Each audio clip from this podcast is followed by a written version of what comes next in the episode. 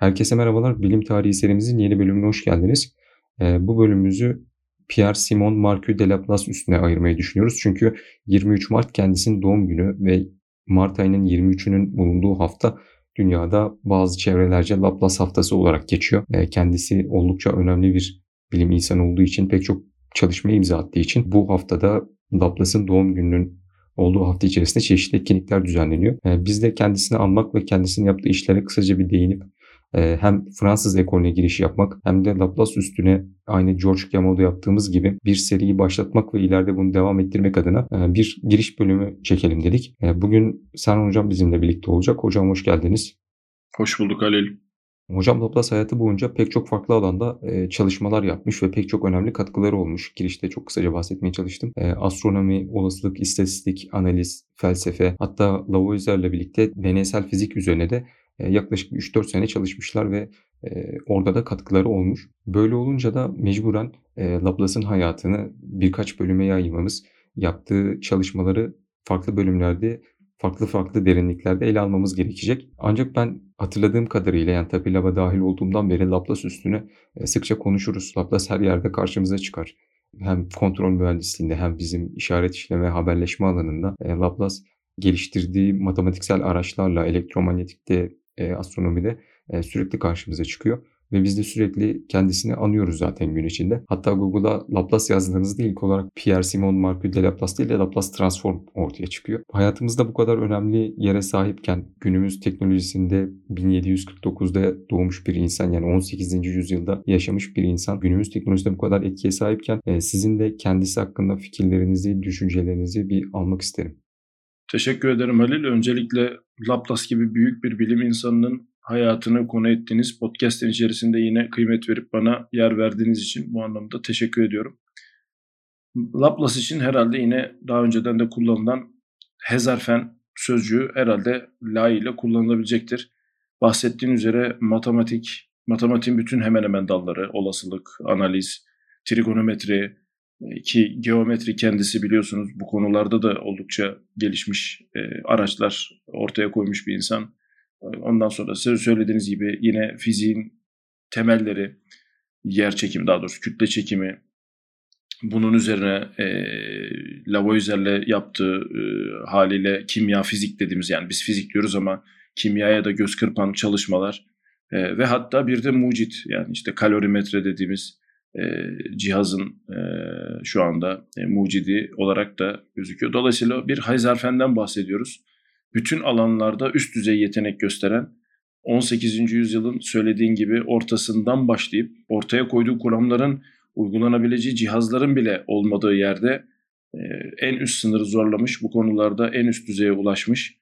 Birçok konuda inanılmaz derecede matematiksel bizim anladığımız anlamda ayağa yere basan kuramları ortaya koymuş kendisi adına dediğin gibi birçok denklemin, birçok dönüşümün, e, birçok eşitliğin bulunduğu bir bir e, insan. Dolayısıyla 23 e, Mart dediğiniz gibi kendisinin doğum günü ve bu hafta bazı yerlerde Laplace haftası olarak dediğin gibi anılıyor.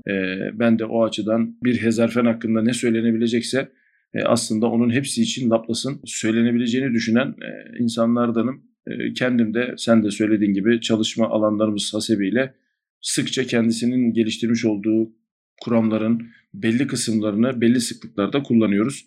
Ee, gerçekten bu anlamda özellikle yine kendi alanımızda işaret işleme alanında olmazsa olmaz e, şeylerin başında Laplace'ın bulguları e, ve geliştirdiği araçlar geliyor. Hocam söylediklerinize ek olarak mesela internette sık sık Laplace için Fransa'nın Newton'ı diye bir yakıştırma geçiyor. Çünkü Fransa bilim tarihinde, Fransa ekolünde çok önemli bir yere sahip. Hatta kendisi e, Napolyon'un da öğretmenliğini yapmış bir süre. O dönemde zaten bir kere ele almaya çalıştığımızda en az bir 40-50 bölüm büyük ihtimalle çekmemiz gerekiyor Fransız ekolü hakkında. E, çünkü inanılmaz gelişmelerin yapıldığı, bilimsel araştırmaların bir anda ön plana çıktığı ve Laplace gibi, Fourier gibi, Lagrange gibi, Euler, Poisson gibi pek çok insanın katkı sağladığı bir dönem. Bir kısmı Almanya'da, bir kısmı Fransa'da ancak dönemdaş oldukları için, ilişkili oldukları için e, kendilerini anmak isterim. Hatta Laplace'ın hocası D'Alembert de bilimsel anlamda ciddi katkılar yapan bir insan. E, hal böyleyken dönem daha önce konuştuğumuz gibi pek çok tartışmalara, çekişmelere de sahne olmuş. Mesela Laplace Fransa Bilim Akademisi'ne bir süre kabul edilmeyeceği düşünülmüş ve bundan ötürü hocası Almanya'da Lagrange'in yerine bir yer ayarlamaya çalışmış. Ancak son yaptığı birkaç çalışmayla Fransa Bilim Akademisi'ne kabul aldıktan sonra çalışmalarını Fransa'da sürdürmüş. Ee, burada zaten son günlerde Fransa'daki bilim üstünde de çeşitli tartışmalar olduğunu biliyoruz. Fransa'da değişik bir e, ekol var. Fransa Bilim Akademisi üyesi olduğunuz zaman çalışmalarınız fonlanıyor ve e, yani nasıl diyelim bir kadroya sahip oluyorsunuz. Artık pek fazla geçim derdiniz olmadan e, çalışmaya devam edebiliyorsunuz. Laplace da bunun için uğraşmış ve hatta Fransa Bilim Akademisi'ne astronomi alanında yaptığı çalışmalarla girdiğinde e, biliyoruz. E, kendisi Fransa Bilim Akademisi'ne katılırken diğer bilim insanlarına göre de çok daha fazla yayın yapmış bir şekilde, çok daha fazla eser ortaya koymuş bir şekilde Fransa Bilim Akademisi'ne gidiyor ve bundan sonraki çalışmalarını Fransa Bilim Akademisi altında sürdürüyor. Böyle bilimsel verimlilikte bir hayat yaşamış bir insan için e, sizler neler düşünüyorsunuz hocam acaba? Halil gerçekten Fransa'nın Newton'u olarak adlandırılmasından Murat'la aslında iki tane çok güzel bir serbest çağrışımlı konuya girmek istiyorum burada. Zira Laplace için bilimsel okumaları yaptığımızda, bilim tarihi araştırıcılarının yaptığı yazıtları okuduğumuzda Newton'dan bu yana ortaya konmuş özellikle mekanik alanındaki en önemli eser, en çığır açan, en e, sıçrama yaptıran eser olarak adlandırılıyor. Celestial Mechanics yani gök cisimlerinin mekaniği üzerine adlı eseri Fransızcası tabii e, ona göre. Dolayısıyla hani Fransa'nın Newton'u denmesi noktasında gerçekten çok yerinde bir benzetme ve betimleme olur diye düşünüyorum. Hatta o kadar ki zaten biliyoruz onu da Fransa'da işte Paris'te e, meşhur Eyfel Kulesi'nin birinci katında adı kazınmış isimler arasında Laplace. Gerçekten çok önemli bir bilim insanı. Böyle bir verimlilikten bahsederken e, senle de sıkça konuştuğumuz nitelik mi nicelik mi sorunsalının herhalde her ikisine birden evet diyen ender bilim insanlarından malum bazı insanlar şimdi günde iki tane makale yayınlayarak ya da işte özgeçmişinin 45 sayfa olmasıyla e, övünerek bilim tarihinde değişik bir yer aldıklarını düşünüyorlar. E, böyle bir durumda tabii ki bir dev olan Laplace için herhalde söylenecek bir söz yok. Zira en kritik çalışmaları en iyi şekilde, en ayakları yere basan şekilde matematik yaparak, matematik icat ederek ortaya koyan ve bunu çok sık yapan, çok yüksek sayıda eser üreten bir şahıs. Dolayısıyla bilimde nitelik mi nicelik mi sorusunda nitelik diyen kişiler tabii ki öncelikli. Ben de öyle olduğunu düşünüyorum ama bu benim yeteneksizlik yeteneksizliğimden kaynaklanıyor. E, ben hem nitelikli yayın yapamıyorum hem e, nicelikli e, olarak da çok da yetersizim. Önümüzde tabii Laplace gibi bir örnek olunca bu iki soruya da evet diyebilen birilerinin olduğunu görüyorsunuz. İşte o yüzden onlara da zaten e, dev deniyor. E, Newton'un kendisini tanımlarken daha önceki podcastlerde de bahsettiğimiz okyanusun kenarındaki kıyıdaki çakıl taşlarının yalnızca bir tanesini eline alıp bakan birisi olarak devlerin omuzunda yükseldiğini iddia eden birisi olarak e, sanırım Laplace'da Fransa'da Newton'un bu yaptığını İngiltere'de yaptığını e, kıta Avrupa'sına getiren adam olarak görülebilir diye düşünüyorum. Teşekkürler hocam. E, Laplace'ın öğrenciler arasında önemli isimler bulunduğundan bahsetmiştik. Hatta bunlardan birisi de Poisson. Kendisi olasılık istatistik alanında ve olasılık istatistiğin fiziğe uygulandığı alanlarda sıkça karşımıza çıkıyor. Poisson dağılımı ile özellikle. E, Laplace'ın da olasılık istatistikte e, çok önemli gelişmeleri var. Hatta modern olasılığın kurucularından, modern olasılığın temellerini atan insanlardan biri olduğunu söyleyebiliriz. Olasılığa başlarken iki yaklaşımdan bahsedilir. Frekansçı yaklaşım ve Bayesian yaklaşım. E, Laplace burada Bayesian yaklaşımı ön plana çıkaran ve onun temellerini oturtan hem matematiksel anlamda hem de bunu uygulamalarıyla beraber göstererek e, çalışmalarında özellikle Central Limit Theorem, Least Squares Estimation ve Generating Functions var. Yani üretim fonksiyonları sanırım Türkçe'ye nasıl çeviriyoruz tam emin olamadım şu an. Olasılığı öğrenirken, çalışırken ve kullanırken bu generating function'lar nereden çıkmış, neden böyle bir şey var sorusu hep aklıma gelmiştir ama e, bunun derinine girip araştırmamıştım. E, bu konuda hocam Laplace'ın yaptığı çalışmalar özelinde, olasılık istatistiğinde yaptığı çalışmalar özelinde generating function'ı sorarak başlamak istiyorum. Teşekkür ederim Ali soru için. Aslında sorunun belki başı sonundan daha da kapsamlı. O yüzden e, sondaki soruya önce yanıt verip başa doğru gitmeyi öngörüyorum müsaadenle. E, dediğiniz gibi ya üreteç fonksiyonları olasılık özelinde çok gerçekten önemli bir çözümleme aracı.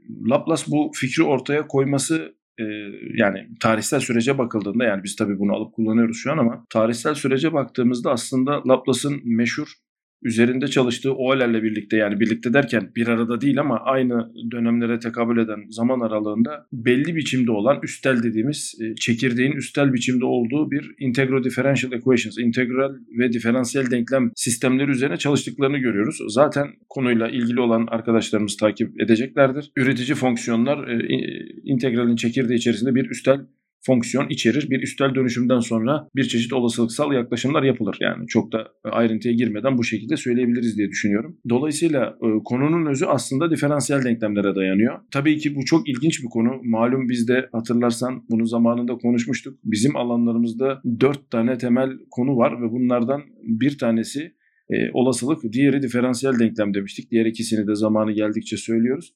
Ve bunlar birbirlerine bağlı yani biz bunlara şu anda modern eğitim sistemimizde ayrı isimler veriyoruz ama bunlar alt tarafta bir yerlerde birbirlerine çeşitli biçimlerde bağlı. O yüzden sorunun başına şimdi dönmek istiyorum Halil. E, olasılık katkısı, olasılık kuramı hakkındaki katkısı Laplace'ın yine tarihsel açıdan değerlendirildiğinde birkaç e, aşamada değerlendirilebilir. Bir zaten olasılık özellikle Bernoulli'den başlayan diyelim şekliyle tarihsel şeyi de süreci incelendiğinde e, artık olasılığın kendi başına bir kuram olması gerektiğiyle ilgili malum bir durum söz konusu. E, bu konuda Laplace'ın da çok önemli çalışmalar var. Her zaman olduğu gibi genelleştiren, konunun özüne inen, felsefesine bakan ve paradigmayı değiştiren yaklaşımları olasılık içinde söz konusu. Ama ben burada bu podcast vasıtasıyla şunu da vurgulamak istiyorum. Bu tamamen benim kendi görüşüm tabii ki. E, olasılık kuramı Laplace'ın özellikle Newton e, Sir Isaac Newton'ın ortaya koyduğu hatta kendisinin de söylenen o ki bilimsel araştırıcıların, bilim araştırıcıların ve bilim tarihindeki okumalarımızdan edindiğimiz bilgilerle Newton'ın kendi mekaniğini açıklayamadığı ve e, kendisinin Newton'ın kendisi tarafından bir tanrının müdahalesini ara sıra gereksinim duyan bir kararlılık durumu söz konusu kainatta. En azından kendi gördükleri kısım için bunu söyleyebiliriz. Ancak Laplace olaya o kadar değişik bakıyor ki Laplace oradaki eksikliği diyelim. Newton'un ortaya koyduğu ve açıklamakta zorlandığı, matematiksel ifadelerle açıklamakta zorlandığı şeyin aslında bilgi eksikliğinden kaynaklandığını ve bu bilgi eksikliğini bertaraf edebilmek için olasılık kuramını kullandığını biliyoruz. Laplace hatta bu fikirleri o kadar ileri götürüyor ki kendisinin kullandığımız araçları arasında bunun işte Laplace denklemi, diferansiyel denklem için kullandığımız Laplace operatörleri bunların hepsi aslında dünyanın şekli, gerçek şekli üzerine. Hatta yine bu aşamada Newton'un da üzerinde uğraştığı sorunlardan bir tanesi olan tide yani gelgit problemi e, ve meteorların yani gök taşlarının dünya üzerine aslında olasılık kuramıyla birleştirildiğinde yaptığı etkileri bunların hepsini birleştirerek hatta biraz daha işi ileriye götürüp yani o eser gerçekten o yüzden inanılmaz.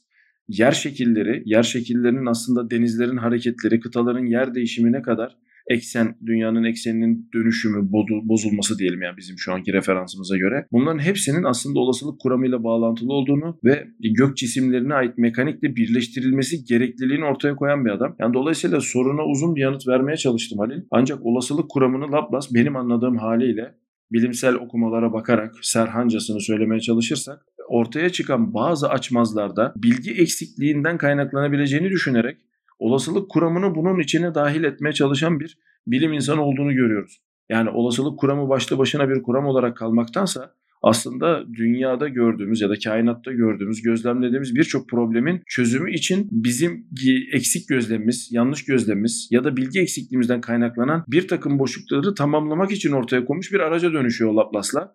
E, tabii ki bunu bu şekilde kullanan birçok bilim insanı da var. Hani bunları söylemek de lazım ama Laplace herhalde bunların en başında geliyor kurama yaptığı inanılmaz katkılarla. Teşekkürler hocam. Tabii bu noktada e, bu çalışmaları ortaya koyan kişinin kimlerden etkilendiği sorusu da ortaya çıkıyor. E, tabii ki kendinden önceki bilim insanları Galileo, Newton, Tycho Brahe, Kepler, e, Koperniken bu celestial mekanik konusunda özellikle bunları e, ciddi anlamda okuduğunu zaten anlıyoruz. Çünkü Laplace bunların üstüne e, birer daha koyarak bilimi bir ileri seviyeye götürüyor. Ancak şöyle bir sorunumuz var. Laplace'ın e, okuduğum kadarıyla, gördüğüm kadarıyla yaşadığı ev ve Laplace'ın hayatına dair bazı belgeler çeşitli yangınlardan ve soygunlardan ötürü kaybolmuş ve bu yüzden ilk gençlik döneminde babası kendisini teoloji eğitimi almak için, dini eğitim almak için gönderdiği yerden e, Paris'e matematik eğitimi almaya geçiyor. Bu arada söylentilere göre yani tahminlere göre e, Lagrange'la karşılaştığı ve Lagrange'dan etkilendiği söyleniyor. Lagrange da kendisi hakkında ayrı bir bölüm hak eden zaten önemli bir bilim insanı. E, ancak Laplace özelinde e, Lagrange ve Laplace ilişkisine de değinmesek olmazdı hocam. Katılıyorum Halil. Hatta kendisinin din eğitimi alırken malum o zaman da e, manastırda diyelim ya da işte o zamanki karşılığı her neyse orada alınan eğitimlerde e, bunlar arasında mutlaka cebir matematik de olduğu için e, hocalarından bir tanesinin zaten çok çabuk dikkatini çekiyor. Yani bu adamın bu konularda yeteneği var.